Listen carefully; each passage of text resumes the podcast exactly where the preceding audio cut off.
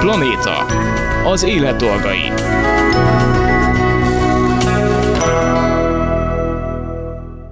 Üdvözlöm a hallgatókat, Laj Viktoriát hallják. A mai adásunk első fél órájában arról beszélgetünk, hogy október 15-én lesz a perinatális gyász világnapja. A Baba Genetika Egyesület pedig ezen a napon az átsuhanó babákra emlékezik. Ebben az évben kiemelt figyelmet és hangot adnak az apák veszteségének és gyászának. Aztán a műsor második fél órájában Kuris Anitával, etológussal, kutyaviselkedés terapeutával folytatjuk a beszélgetésünket, amit a múlt héten abba hagytunk. Elmélyülő. Minden év október 15-e a perinatális gyász világnapja. Ezen a napon a Baba Genetika Egyesület az átsuhanó babákra emlékezik. Ennek keretében lesz majd egy átsuhanó babák című kiállítás is, azoknak a babáknak az emlékére, akik meg sem születtek, vagy csupán egy évig éltek. És ebben az évben a Baba Genetika Egyesület kiemelt figyelmet szeretne fordítani az apák vesztességének és, és gyászának, hiszen erről, hát ha jól tudom, vagy jól sejtem, akkor nagyjából is semmit. Egyáltalán nem beszélünk társadalmi szinten. Sok szeretettel köszöntöm a stúdióban Sefcsik Emannát, a Baba Genetika Egyesület alapítóját, a vonalban pedig Szabó Györgyöt érintett édesapát. Szervusztok, és köszönöm szépen, hogy itt vagytok. Kiki milyen formában. Sziasztok, köszönjük a meghívást. Sziasztok, én is üdvözlök mindenkit, és köszönöm, hogy itt lehetek. Kezdhetnénk magának a perinatális gyásznak a fogalmával. Akkor itt nézek Annára közben, mert ugye kicsit nehezen van három között most a szemkontaktus. Amikor ezt mondjuk, hogy perinatális gyász, akkor igazából mit kell érteni alatta? Ami azt gondolom, hogy az én oldalamról fontos, hogy én is nyolc gyermekes édesanyának tartom magam, akinek öt gyermeke született meg, és három átsuhanó babája van. És az átsuhanó babáink azok, akik a perinatális gyászban érintett kisbabáink, akik még vagy a várandóság alatt halnak meg, vagy pedig a születés utáni egy évben. És ez az a kor, amit mi a perinatális gyász fogalma alá veszünk. És hát amit az elején mondtam is, hogy idén a, az apukákat veszitek, vagy hát emelitek ki, mert hogy nyilván ez a gyász, ez ugyanolyan mértékű, ugyanolyan jelentőségű, mint az anyai gyász, de hát, hogy milyen a társadalom, hogy az apa az legyen erős, támasz, ne sírjon, ne legyenek érzelmei, hanem támogassa az anyát, és akkor itt rögtön egy részről meg is köszönném a, a Gyurinak azt a nyitottságot, amivel, hogy mondjam, a társadalom elé áll, hogy a nyilvánosság elé áll, hogy ez egy igenis nagyon valid ö, gyász folyamat, amin az apák ilyenkor átmennek. Ti igazából hogyan kerültetek össze kapcsolatba? Miért van most az, hogy te a Baba Genetika Egyesülettel tehát karöltve elmeséled a, a saját történeteteket? Um, igen, mi januárban veszítettük el a, a kisbabánkat, Szabó Zénót, um, a 23. hétben a terhesség ideje alatt, és hát mindenkinél nálunk is egy hatalmas tragédia volt, nagyon nehezen jöttünk ki belőle. Már mikor kiderült, hogy komoly probléma van, egy komoly szívbetegség, egy rendellenesség alakult ki a babánknál, akkor elkezdtünk kutakodni, és a Baba Genetika Egyesület volt az egyik, amit a feleségem Flóra megtalált. Elsősorban mi informálódni akartunk, többet megtudni, hogy mit lehet tudni a betegségről, ugye, illetve hogyha esetleg arra kerülne a sor, hogy el kell engednünk a babánkat, akkor annak mi a menete. És nagyjából szerintem ez volt az első kapocs, én ugyan közvetlenül nem voltam benne, van a Baba Genetika Egyesületnek egy Facebook csoportja, Flóra benne volt, és most idén, amikor annáig kitalálták, hogy kerüljenek az apák a középpontban ennél az átsuhanó babák kiállításnál, akkor Flóra megjelölt egy posztban, hogy ha én szeretnék, akkor akkor közreműködhetnék valamilyen formában. Aztán most, most itt is itt vagyok, igen. És még milyen formája van egyébként ennek a közreműködésnek? Hát amikor Annával először beszéltünk, akkor én nekem nagyon sok minden kialakult a fejemben, de most éppen hát vásárlás alatt vagyunk, szóval, hogy így történik, zajlik közben az élet, úgyhogy nagyon, nagyon limitált időm van arra, hogy, hogy tudjak, tudjak bármit alkotni a kiállításra, de végül abban maradtunk, hogy én is összeneteknek hívom őket. Lényegében a történetünket hat fejezetű kis írásokban próbálom összefoglalni. Eddig négy, vagyis négy és fél írás született meg. Ezek lényegében a Baba Genetika oldalán is elérhetőek, meg azt hiszem, hogy a kiállításban is valamilyen formában láthatóak lesznek. Biztosan. Említettem egy pár szóban azt, hogy mit vár el a társadalom a, a, az apától ilyen esetben, hogy ez neked ö, okozott-e bármilyen visszásságot, hogy, hogy ebbe az egészbe belefogtál pont a társadalmi elvárások miatt. Tehát, hogy érezted-e úgy, hogy mondjuk nem elég, hogy mondjam, nem elég erős az a, az, az apai gyász, mint az anyai gyász, hogy egyáltalán elmondhassd az érzéseidet? Én ezt nem kifejezetten éreztem, de ez tény, hogy egy nő és egy férfi máshogy éli meg a gyász. Mások a, a feldolgozási protokolljaink vagy folyamataink, ez biztos.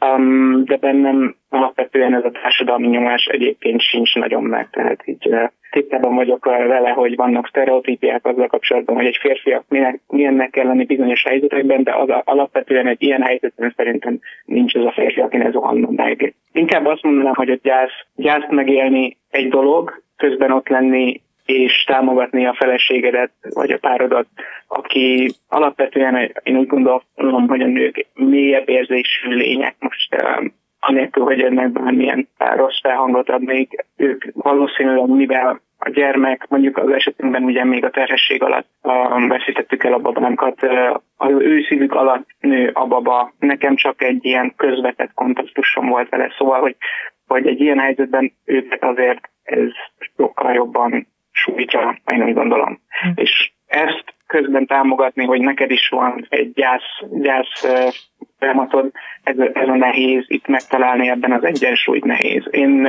amit említettél, hogy egy férfinak nem kell sírnia, én máj napig sírok ezen. Tehát most főleg, hogy az írásokat készítem elő, minden nap sírok, pontosan amiatt, mert, mert a gyászt azt, azt igenis egy férfi is ugyanúgy meg tudja élni. Az más kérdés, hogy, hogy közben az ő fejében egy csomó minden van, hogy mit kell tenni egy ilyen helyzetben. Igen, hát az érzelem elnyomást azt ismerjük, hogy nem, nem egy hosszú távon kifizetődő dolog, és gondolom egyébként, hogy sok kapcsolat rovására is mehet pont az, hogyha az ember egy olyan támogató szerepet vesz fel, amiben magát teljesen háttérbe szorítja, gondolom félreértések, konfliktusok, vagy nem egészséges kapcsolat lehet majd ebből. És Anna, ti egyébként a munkátok során, amikor mondjuk segítetek feldolgozni egy ilyen folyamatot, akkor párként kezelitek ilyenkor a, az érintetteket, vagy, vagy inkább csak az anyát? Tehát, hogy mi a, mi a megszokott nálatok? Hát együtt kezeljük a családot, tehát hogy a szülőket, ha vannak testvérek őket is, hisz ugye ők is fontos szereplők, nagyon sokszor nagyszülők keresnek meg, tehát, hogy itt mindenkinek nagyon fontos a szerepe, és nagyon fontos, hogy, hogy próbáljunk nekik segíteni. És ami, ami azért is örülök ennek a kérdésnek, mert azért itt sokszor morális kérdések is előjönnek már akkor például, amikor egy döntési helyzet alakul ki egy élettel kapcsolatban, és nagyon nem mindegy, hogy ilyenkor milyen segítséget nyújtunk, és ugye ez az, amit én nagyon sokszor el is mondok, hogy nekem itt mindig objektívnek kell lennem, és soha nem irányíthatok senkit semmilyen irányba, mert ez az ő életük és az ő döntésük. De azt rendszeresen látom megjelenni, hogy nem feltétlenül érzik ugyanazt egy, egy döntés során a szülők, és itt én például most idén el is kezdtem tanulni az eltén mediációt, pont amiatt, hogy még jobban tudjak én is segíteni. De az biztos, hogy bármikor, amikor előjön akár egy ilyen gyanú kérdés, már akkor beszoktam hozni a lelki segítőket, hisz ugye nagyon nem mindegy, hogy hogy megyünk ezen az úton végig, akár már csak akkor, hogyha annyit kapunk, hogy lehet, hogy és utána lehet, hogy egészséges az a kisbaba. És hát a feldolgozás részénél meg abszolút szoktam javasolni azt, hogy lelki segítő. Itt is ugye nagyon sokféle segítség lehet, és, és nem feltétlenül kell emberre gondolnunk, hanem lehet akár például egy, egy babagenetika is, mint ugye nekem az lett a segítségem. Az a lényeg, hogy egy gyász folyamaton végig tudjunk menni, és ez az, amiben azt tapasztaljuk, és én ezért is hoztam ezt így most idén még jobban előrébb, hogy a férfiaknak ez sokszor egy, egy megakadásba torkollik. Ez nagyon-nagyon kitudhatni a párkapcsolatra, nagyon kitudhatni a lelki kötődésre is, a testi kötődésre is, egy következő baba érkezésére is, és ezért is annyira jó hallgatni a Gyurit, vagy olvasni a történeteit, mert nagyon benne van az ő erős kapcsolatuk Flórával. Tehát, hogy, hogy minden mondatukból érzed a, az ő erős kötődésüket egymáshoz, az ő szövetségüket, és igazából én azt érzem, hogy, hogy nekik például nagyon sokat adott Zénó, és az, hogy, hogy így segíthettek egymásnak, bocsánat. Ugye az egyik, amit mondasz is, az a lelki segítség. Itt sokszor egyébként akár nem tudom, betegségeknél is elé, előkerül a, a sorstársaknak a közössége, Igen. hogy ez mekkora segítséget adhat. Nem tudom egyébként, a Gyuri, te mit tapasztaltál, hogy nyilván tök más, itt az Annával beszélgettünk előtte, tök más, hogy te beszél, vagy mondjuk ő beszélget veled, ugye anya, mint apával, vagy egy, egy két férfi egymás között apa az apához, hogy mit tud mondani, vagy hogyan tud vele kommunikálni. Van kommunikáció apák között erről? egy pillanat, egy picit még nyelnem kell, mert egy picit elérzékenyültem, Anna megsírat, és én erre nem készültem. Bocsánatot kérek. Az a helyzet, hogy, hogy érdekes módon nem annyira tapasztalom. Az írásaim kapcsán több anyuka írt nekem. Én vártam, hogy majd esetleg apukák is fognak jelentkezni, de nem. Nem tudom, hogy ennek pontosan mi az oka. Én nagyon nyitott lennék, és nagyon szívesen beszélnék valakivel, aki hasonló ment keresztül, mint férfi. A közvetlen közelünkben is vannak párok, de ott sem volt meg ez a nyitottság. Igen, ez, ez mindenkinek a, a saját tisztjára dönteni, hogy, hogy akar-e róla beszélni, vagy nem. Ezt nem lehet erőltetni. De ettől biztos vagyok benne, Gyuri, hogy, hogy elolvassák és hat, hatnak, illetve mi anyukák is átadjuk a te írásaidat, és én rendszeresen például ugye elmesélem a férjemnek azt, hogy, hogy te miket és hogy írsz, és, és hogy mennyire fantasztikusnak tartalak titeket, hogy, hogy így beszéltek és kiálltok ebben az ügyben. Úgyhogy, úgyhogy ebben én azért azt gondolom, hogy ez, ez a része egyszer nagyon fontos, másik én azt tapasztalom, hogy azért is szoktak ilyen érintetti csoportokat indítani, gyászfeldolgozó feldolgozó csoportokat, ahol ott vannak a párok, és akkor szoktak így az apukák felismerésre jutni, hogy nincsenek ebben egyedül, és akkor szoktak jobban ők is megnyílni. Sőt, van egy lelkész szakértőnk, aki mesélte, hogy nemrég volt így a, a templomukban egy ilyen gyászfeldolgozó csoport, és ott ugyanezt tapasztalt, hogy a férfiak egyszer csak elkezdtek megnyitni, és pont ezért ő szeretne csak férfiaknak is indítani majd egy ilyen külön csoportot. Én azért ezeket nagyon üdvözlöm, hogy egyre több ilyen kezdeményezés is van. Ami még eszembe jutott, hogy az is nagyon fontos, hogyha akár egy anyuka, aki ezen átmegy, olvassa ezeket az írásokat, vagy hogyha esetleg még születik más írás is mástól, hogy az, és mondjuk az ő párkapcsolatában ez nem működik olyan jól valamiért, akkor segíthet egy kicsit megérteni, hogy mi zajlhat le a másik ember, vagy hát a párjának a fejében és a lelkében. Nálatok egyébként mi? Mondja az Anna ezt a nagyon erős kötődést, de hogy szerinted mi, most ez hülyes szó, hogy könnyíti a gyász, de hogy mi segíthette a ti kapcsolatotokat abban, hogy, hogy együtt átvészeljétek ezt az egészet. Tehát mi volt a kulcsa szerinted annak, hogy ti ebben jól együtt tudtatok működni, de ezek most megint nagyon hülye szavakat mondok, és bocsáss meg érte. Semmi van, semmi van, de értem a kérdés lényegét, én sem tudnám jobban megfogalmazni.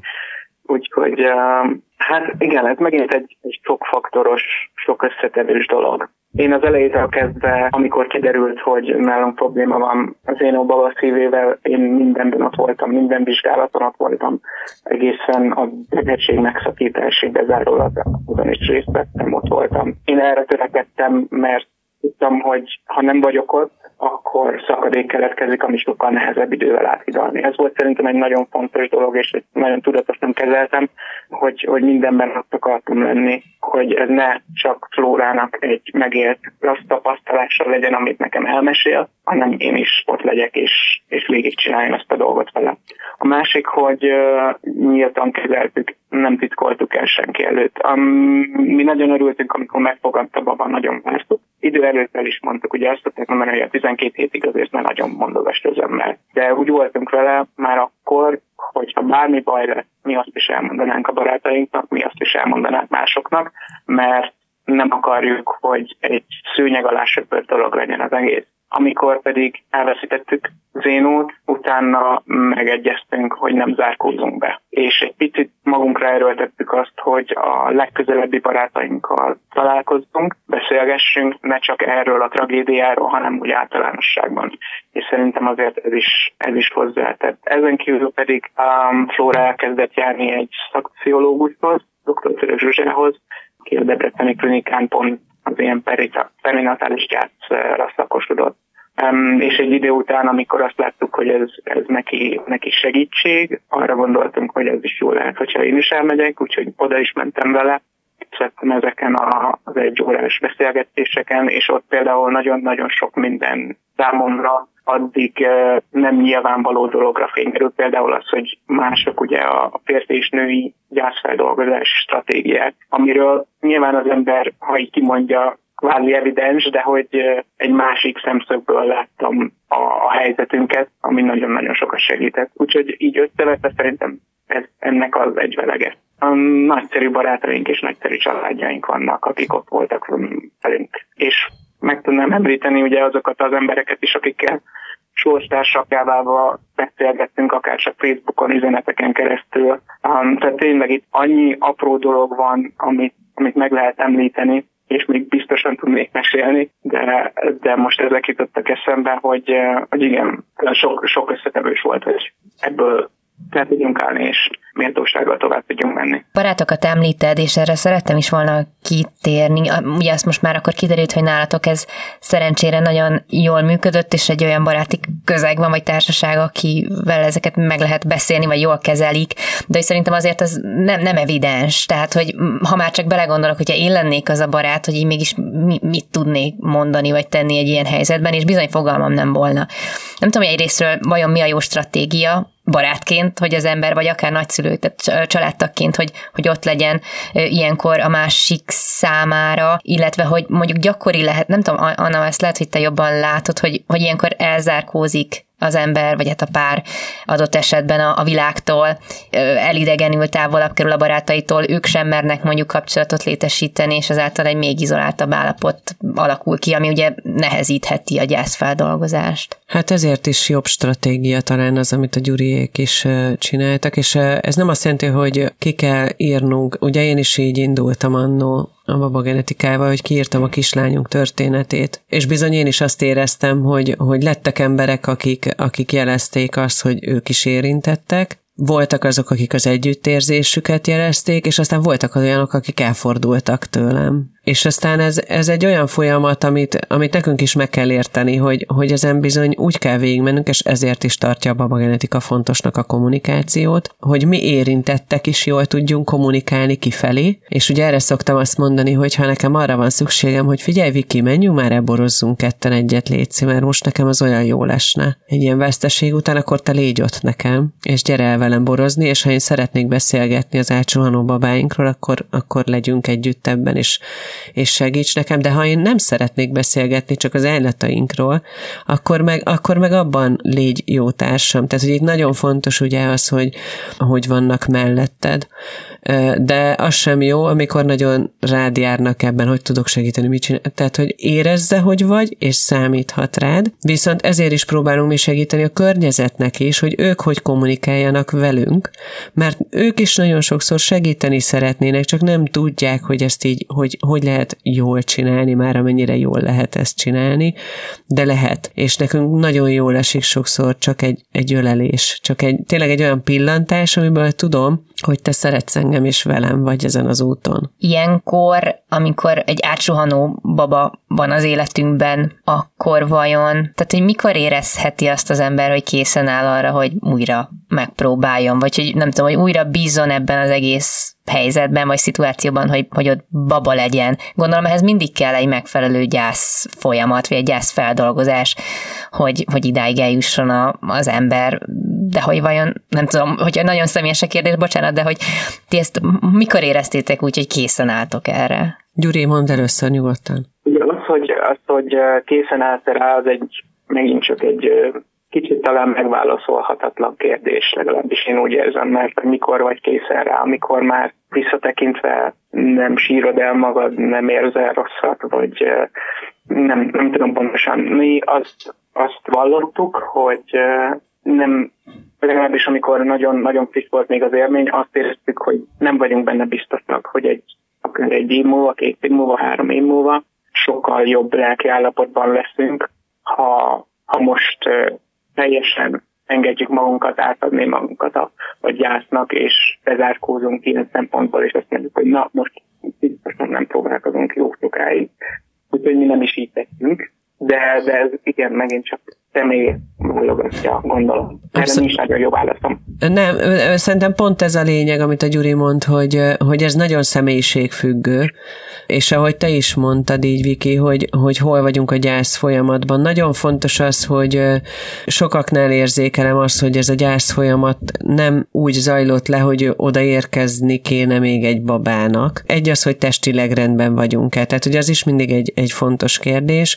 És azért fontos a lelki része, mert nálunk ugye a három átsuhanó babánál kétszer volt az, hogy, hogy hallgattunk a, az első baba elvesztése után, amit mondott az orvos, nekem azt mondta, hogy fú, hát ha egyszer megjön a menstruációd utána, akkor jöhet is a baba, ha készen álltok rá, és így jött nekünk Berci, és aztán a babagenetikás kislányunknál kivártuk azt, amit javasoltak három-hat hónapot, na az kettő év lett. És aztán, amikor én újra várandós lettem, és sajnos az a baba sem maradt velünk, akkor ugyanazt csináltuk, amit Berci előtt, és hát így lett mór. Hm de, de az is biztos, azt is nagyon sokszor látom, hogy a nem, fel, nem megfelelően feldolgozott gyász, az bizony visszaüthet abba, hogy van egy várandóság, amikor ugye végig izguljuk azt, hogy rendben lesz az a kisbaba, hogy leszünk, megérkezik a kisbaba, ott van egészségesen, hurrá, ezt kéne érezni, és mégsem ezt érezzük, és akkor jönnek ki ezek a nem feldolgozott gyászfolyamatok,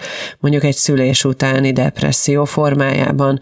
Úgyhogy én nagyon-nagyon fontosnak tartom azt, hogy odafigyeljünk, és ezért is tágult ki a babagenetikának a tevékenységi köre valahol, mert hogy, mert hogy odafigyelünk ezekre a családokra is, hogy ők hogy viszik végig a várandóságot ott a rezgéseire a szülőknek, hogy mennyire van szükségük lelki támogatásra, és ott is azt szoktam mondani, hogy nyugodtan éljenek segítséggel. De hát még itt lesznek más dolgok is, hogyha minden igaz. Bizony. A perinatális gyászvilágnapjához kapcsolódóan mivel készültek Anna? Ilyenkor én már mindig egy ilyen esemény sorozatot indítunk el a babagenetikán, úgyhogy most pénteken hatodikán lesz este fél kilenctől a lelkész szakértőnkkel, Csanádi Viktorral egy beszélgetés, amiben ugye pont ezeket a témákat közelítjük meg, mert hogy, mert hogy én vallom azt, hogy annyiféle jó segítő van. És tényleg itt az, hogy most neked éppen ki lesz az, aki segít, vagy mi lesz az, ami segít, az egy nehéz kérdés, és sosem én tudom meg, azért is szoktam mondani, hogy menjenek fel az oldalunkra, nézzék meg a segítőket, és akkor beszélgessünk arról, hogy kinek mire van szüksége.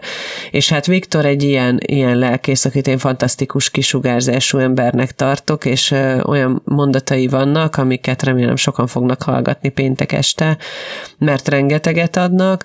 Aztán 14-én lesz a megnyitója a kiállításunknak reggel 9 órától a Városháza Parkban, ami ugye tavaly a helyszíne is volt már a kiállításnak, hisz nekem az is nagyon fontos volt, hogy ez a tabunak számító kérdés, mert ugye a halál az mindig egy ilyen nagy tabunak számít sajnos így napjainkban, ez ne legyen az, és menjünk minél több ember arcába bele, és ebben nagyon, hál' Istennek nagyon társam a fővárosi önkormányzat, és Bőszanet főpolgármester helyettes asszony segített abban, hogy idén nem a Városháza Parkban lesz a kiállítás, hanem felkerülünk a BKK járatokra. És én őszintén szólva azt szeretném, és ezért fel is fogok én is buszokra ülni, hogy lássam azt, hogy hogy, hogy hatunk az emberekre. Mert most is a kutatók éjszakájára kivittük így a kiállításunkat, és én remélem, hogy érezni fogják az emberek, amit most mondok, de, de hogy ott is látták az üzeneteit a tavalyi év embereinek, és, és ott sírtak a képek előtt. Ami nagyon fontos esemény lesz még október 15-én a perinatális gyász világnapján,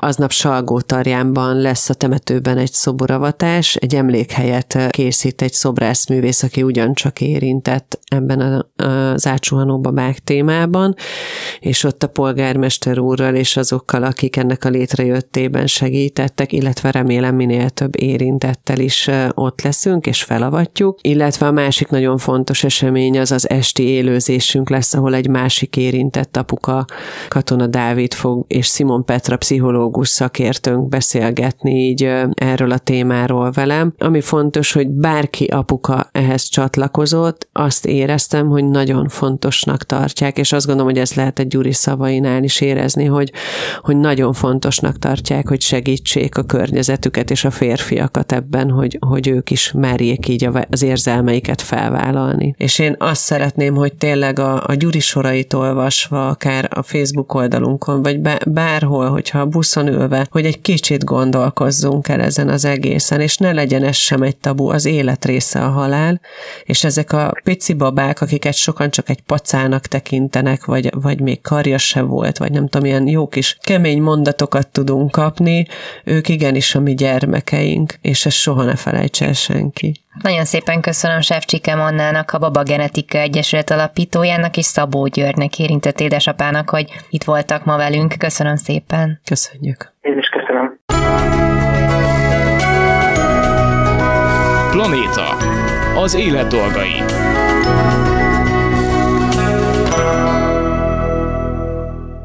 Folytatjuk az adást kutya és gyerek kapcsolat témában, aztán majd áttérünk a menei kutyákkal kapcsolatos kérdésekre is, de még annyit előjáróban, hogy ö, azt nyilván észrevették a, a hallgatók, hogy könnyen elcsapongunk témákon belül, mert hogy minden mindennel összefügg, egy nagyon szerte ágazó is ilyen apróbb téma vonalakra bontható egy-egy nagyobb kérdéskör.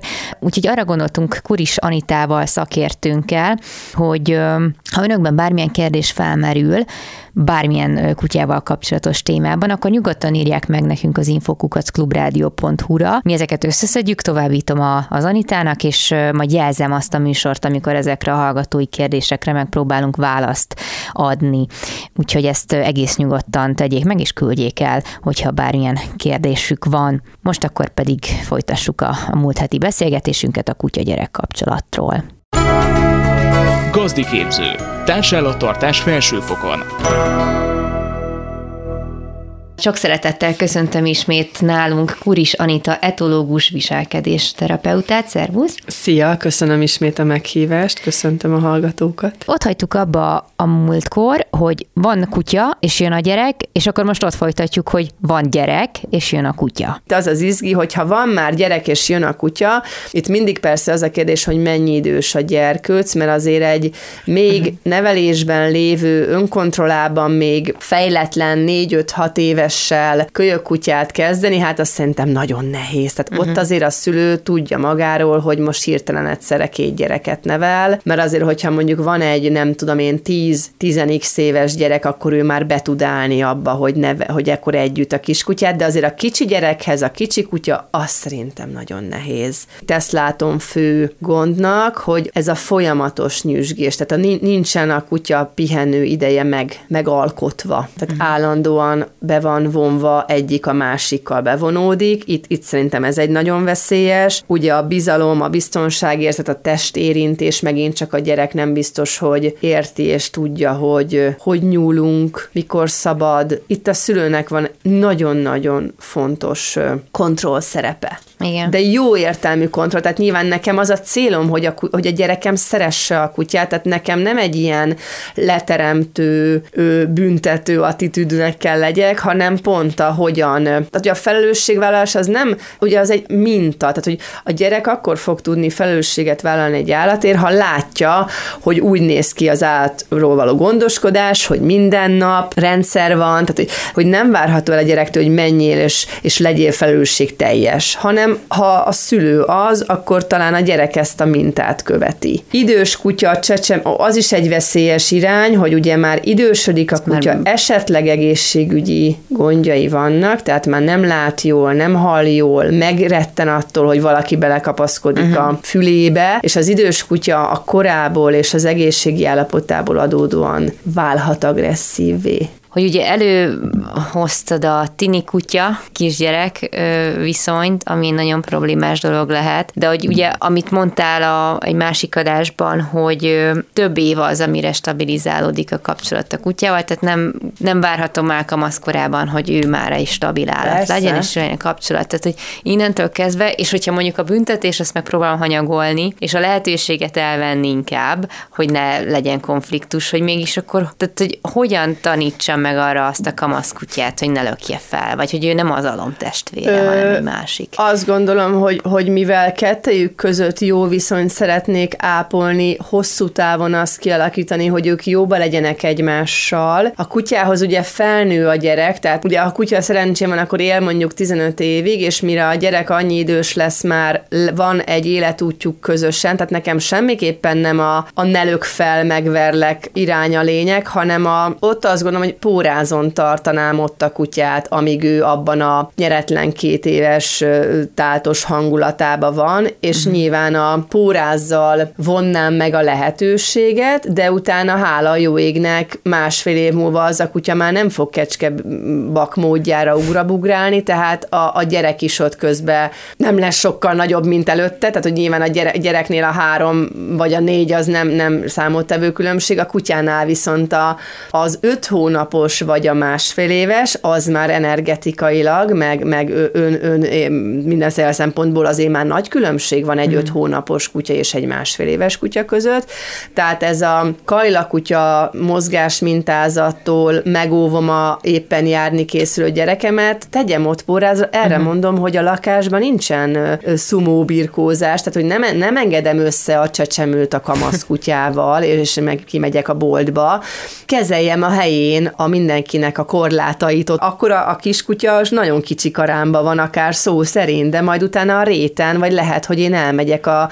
a rétre a kutyával, nem tudom én, futni, addig a gyerek meg ott hát én csináltam ilyet, mm-hmm. hogy a háti hordozóba volt a gyerek, és a kutyák, hát én ugye úgy nem babakocsisztunk, mert mert ahol mi lakunk ott az vicces lett volna, hanem, hanem háti hordozóba volt a gyerek, és a két kutyával meg sétáltam, mindenki a lábán jött, a gyerek meg a hátamon, tehát hogy azt gondolom, hogy ez az idő előbb-utóbb kiforja magát, Aha. hogy mindenki annyi idős lesz, hogy már ö, működnek együtt, de, de semmiképpen nem rászólok a kutyára, hogy ne, tehát az, hogy ne ugrálja a gyerekre, ez nem egy információ. Se, se nem parancsó, se nem ugye a ne csinálj valamit, egy kamasz kutyának, ez pont, pont nem információ. Tehát ez pont olyan, mint hogyha azt mondanám a két évesnek, amit a múltkori beszélgetésen, ne fog meg azt, meg azt a sütit az asztalon. Hát akkor ne tedd a sütit az asztalra, és akkor uh-huh. a mhm. gyerekkel nem kell rászólni. Tehát, hogy, uh-huh. hogy abban a korban, de még egy két, hogyha egy nem tudom, két éves kutyát most kerül hozzá, de nem tudom, menhelyről egy két éves kutya, és hiába két éves, ővel ugyanúgy kell bánni, mint egy öt hónapossal, uh-huh. hogy mi van az asztalon lévő sütivel. Talán teremtsd meg a körülményeket, hogy hogy a, hogy a tíz hónapos német juhász ne ugráljon a másfél éves mhm. gyerekre, uh-huh. és akkor szépen az idő megoldja uh-huh. magát, hogyha ezeket a körülményeket helyén kezeled. Jó, akkor a kutya-gyerek kapcsolat témát, ezt most egy picit itt lezárjuk, de nyilván még van számtalan kérdés is. Ha hallgatókban is bármi felmerül, akkor írják meg nekünk az infokukacklubrádió.hu-ra, és akkor majd egy másik adásban megpróbáljuk megválaszolni, vagy hát nem én, hanem az Anita ezeket a kérdéseket. És akkor most térjünk át egy másik témára, ami a menhelyi kutyák témája. Itt egy fél mondat erejéig ők is meglettek említve. Én ebben személyesen is érintett vagyok. Pár hónapja érkezett hozzám egy, hát nem éppen menhelyi és intértelepről egy kutyus. Sokan mondták, hogy főleg mivel már volt másik kutyám is, hogy ez egy lutri, hogy ö, ő igazából ki lesz. Azért adódnak nyilván az elő életéből, amik számomra teljesen ismeretlenek. Apró problémák, amikre próbálok odafigyelni, de nem feltétlenül veszem észre, és nyilván, hogyha nem kölyökora óta nevelkedik velünk egy kutya, ne adj Isten valami trauma érte, mondjuk bántalmazták, vagy nem tudom milyen körülmények között eltelt több év az életéből, akkor nyilván ezek valamiféle problémaképpen jelentkezni fognak a mi közös életünkben, amiket mindenképpen érdemes megoldani viselkedés terápiával. Úgyhogy hát menhelyi kutyák. I- igen, akkor, akkor azt hiszem óvatosan, óvatosan fogok fogalmazni, nehogy bárkit megbántsak, bár, bár azt gondolom, hogy igyekszem tényeket és tapasztalatokat fölvonultatni ebben a témában. Nagyon jó, hogy ezt mondod, hogy annyiféle típusú élethelyzetet fölölelhet ez a menhelyi kutyám van tényállás. Tehát például nekem az első kutyám úgy való a menhelyről, ugye amikor én a, az etológia tanszéken a családi kutya programba bekerültem, hogy én fark, hogy én részt vegyek a farkas kézben neveléses kutatásban, akkor ott a kontrollcsoport egy csapat kiskutya volt, tehát nekünk kellett szereznünk gyorsan kilenc darab hétnapos kiskutyát, és ehhez bizony az egyik menhelyet választottuk. Tehát ilyen formán az, hogyha én elhozok a menhelyről egy kiskutyát, akkor az egy hétnapos kiskutya esetében is lefedi ezt a követelményt, de mégis más egy, egy olyan kiskutya életútja, aki hétnaposan kerül ki a menhelyről, vagy aki mondjuk, vagy a, egy olyané, aki például menhelyen születik, és ott él évekig, mire én kihozom,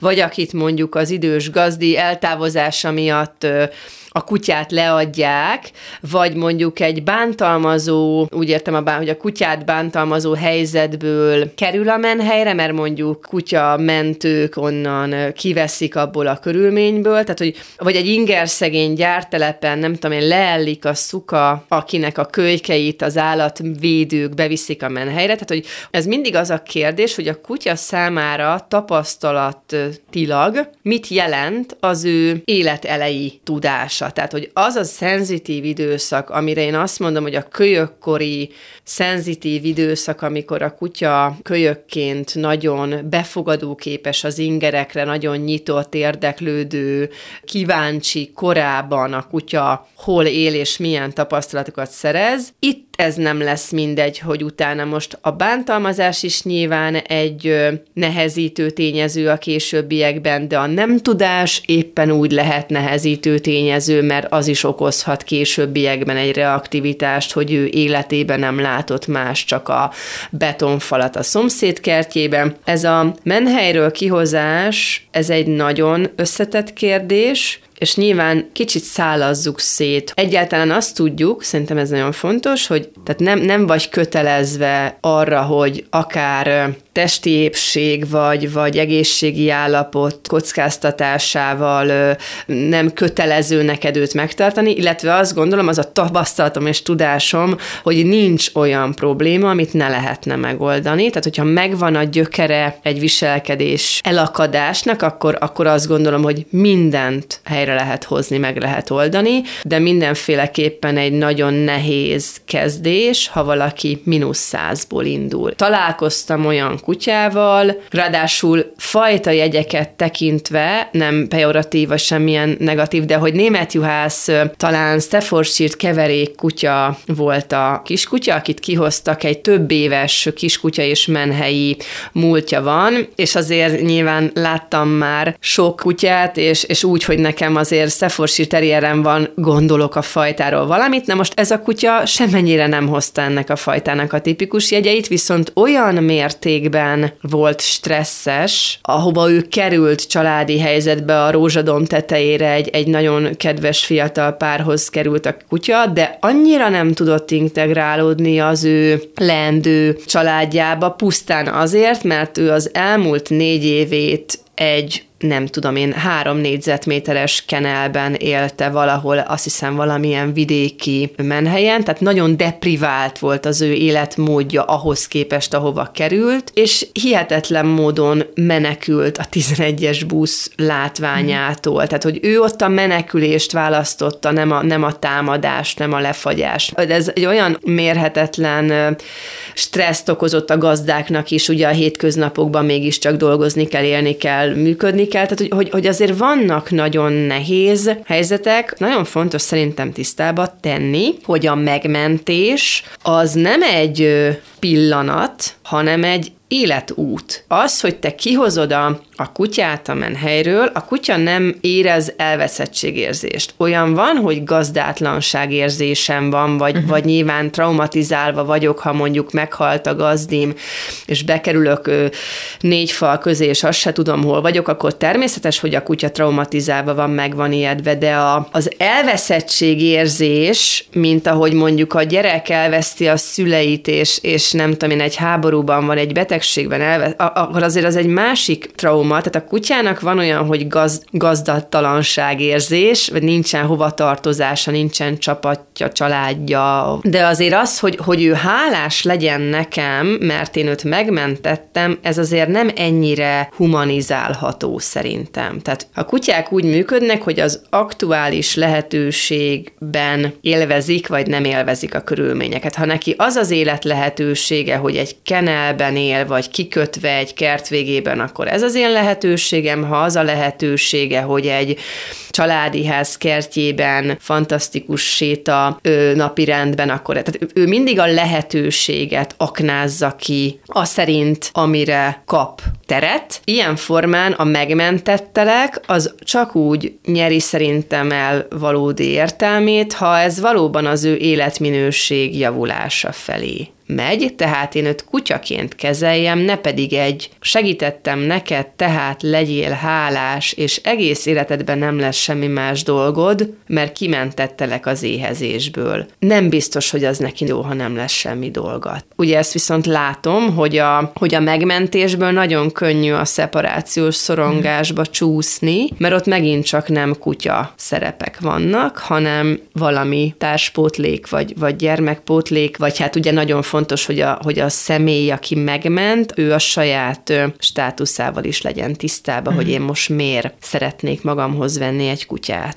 Az én, mint megmentő státuszba gondolom, az is jön, hogy túletettem, túlféltem, tehát hogy óvom mindentől, mindenért kárpótolom, ami a fejemben nem valósult Így meg van, az ő tehát életében. ugye ez az én tudásom szerint kompenzálom őt utólag mm. és előre és vissza, tehát hogy na- nagyon jó, amit mondasz, mert a, mert a túletetés, tehát például egy éhező mm. sorból jövő kutya, kutyát, én mondjuk előtte hagyom az ételt kárpótlásul, cserébe most viszont bucira eheted magad, ennek a, a gondja az az lesz, hogy amennyiben a, az étkezést túldimenzionálom, tehát a, az étkezésből csinálok egy ilyen ö, szeánszot, hogy, hogy neki jár, ráadásul naponta kétszer, ráadásul, hogyha én eszem, abból is ehet. Az evés az, az csak az étel. A kutyának azt gondolom, hogy a legfontosabb a séta. Nyilván enni kell ahhoz, hogy tudjak sétálni, de hogyha valaki nincsen lejáratva egy nap 4-5-6 kilométer nincs a lábába, akkor én etethetem őt bármeddig, ő egy boldogtalan kutya lesz. Tehát a boldogság nem az étkezéstől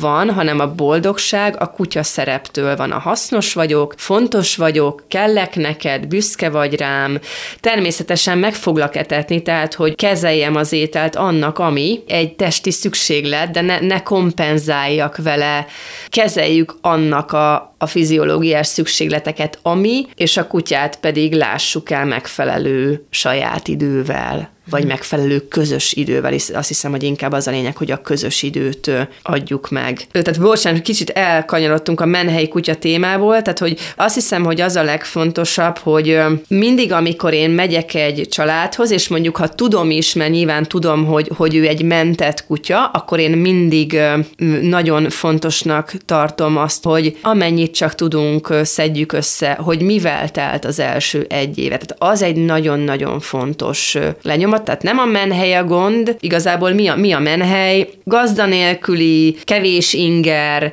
kevés mozgás, kis segítség, és ugye mivel a kutyának a eredendő legnagyobb kötődési igénye, ugye erről már sokat beszéltünk, az ember, tehát pont ez a baj, a nem gazdás, nevezzük menhelyi, vagy gyártelepi, vagy bármilyen nem gazdás életmóddal kezdő életű kutyának a legnagyobb baja, hogy abban a szenzitív időszakban nem kapott gazdát, tehát mindenféleképpen a túlkötődés veszélye azért ott van, ha én a menhelyről őt elhozom. A túlkötődés meg ugye bizonyára nagy eséllyel szeparációs szorongással fog járni, nagy eséllyel valami kontroll, má, nem mondom, hogy mánia, de valamilyen kontrollálni kívánom a gazdámattal fog járni, tehát hogy valamilyen módon torzul az ő egészséges fejlődése, pont azért, mert, mert neki az deficit hogy neki nem volt ott az elején gazda. Kutyából volt egy csomó, tök jó, és ezeknek a kutyáknak nincs is gondja más kutyával általában, tehát a, a, menhelyről hozott kutyák legalább a kutyákkal jól el vannak, viszont az emberi kapcsolataikban ott mutatkoznak, vagy bizonytalanság, ne adj Isten agresszió, tehát hogy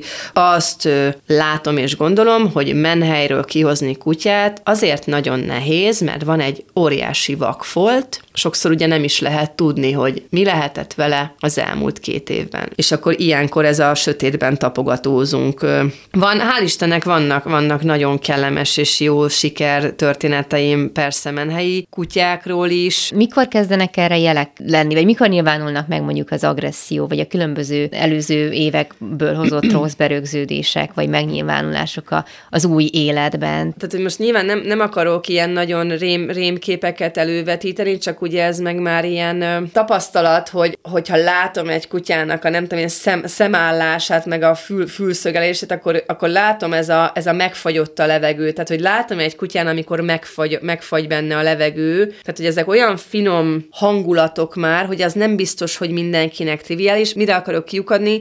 Egy agresszió probléma az, az látható, tehát ez nem úgy van, hogy kedden kihozom a menhelyről, és vasárnap, nem tudom én, megeszi a családot. Egyrészt mindenféleképpen van egy személyiségváltozás, vagy egy ilyen oldódási, uh-huh. egy ilyen otthonteremtési beágyazódás a, a, a menhelyről, vagy a máshonnan áthozott, elhozott kutya. Én avval szoktam így párhuzamba vonni, hogy, a, hogy elkezdi használni a teret, a területet, ugye a, a, abban a térben, ahova került, ő elkezd otthonosan létezni, birtokba veszi, ugye teritoriális faj, tehát hogy, hogy használja pihenőhelynek, használja, eszik ott, tehát mindenképpen, hogy belakja a teret, ahova érkezett, akkor mondjuk egy ilyen, mint két-három hónap után úgy azt mondom, hogy most például tök más a kutya, mint uh-huh. amikor elhoztam. Úgy, úgy látom, hogy kiegyensúlyozott, ha ugye elkezdem jó, jó ö, megközelítéssel ö, tartani őt, akkor, akkor látom, hogy úgy más, kicsit olyan oldottabb lett, békésebb lett, nyugodtabb lett. Tehát ugyanilyen módon ez tud bármelyik irányba elbillenni ez a belaktam magam életérzés. Uh-huh, Hogyha ott ugye neki van egy, egy deficite, vagy van egy hajlama, van egy bizalmatlansága, akkor ez a hangulat nyer teret, akkor óvatos leszek. A szomszéd, a, a gazda, a, tehát, hogy, de ez nem villámcsapásként, tehát hogy ennek vannak jelei. A kutya testtartása, tekintete, mit tudom, összerezzen ez zajra, tehát hogy nyilván azt nem fogom tudni, hogy ennek a kutyának az elmúlt egy évében nem tudom én hány partvisnyélel verték hátba, de hogyha én megfogom a partvisnyélet, mert kiszóródott a, a kávé, és ettől a kutya nem tudom én, megfagy benne a levegő, vagy, vagy, vagy úgy áll, tehát hogy ő a valóságot mutatja. Nagyon szépen látszik a kutya testtartásán, ami a fejében van. Ezért ugye az úgy nagyjából kiszámítható, hiszen van, vannak jelek arra, hogy bizonyos ingerek, események, élőlények,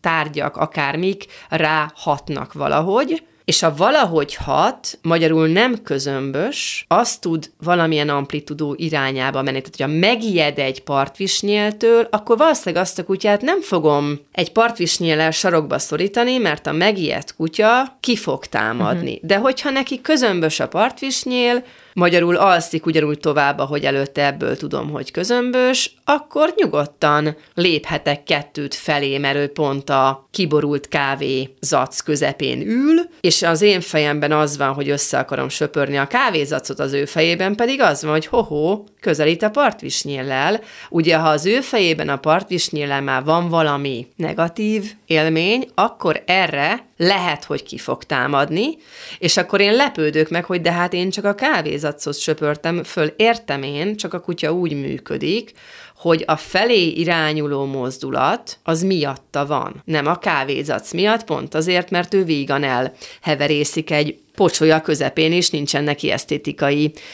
kifogása ez ellen. Tehát első kutyásként nagyon merész választásnak gondolom, hogy egy menhelyről kihozzak egy felnőtt kutyát azért, mert fogalmam sincs, hogy annak a négy éves kutyának az elmúlt négy éve mivel telt, és nem vagyok abban biztos, hogy az első kutyás ember látni fogja a ráutaló jeleket, hogy mi van a partvissal és a kávézatszal. Lehet, hogy már egy többedik kutyásnak erre lesz rálátás, és persze természetesen egyrészt jó a menhely, akkor ott van tudása a vezetőnek a kutya előéletéről. Minél többet tudunk a kutya előéletéről, annál kevésbé váratlan, hogy mi fog történni. Hmm. Tehát ilyenkor szeretek minél részletesebb képet kapni, hmm. ha van.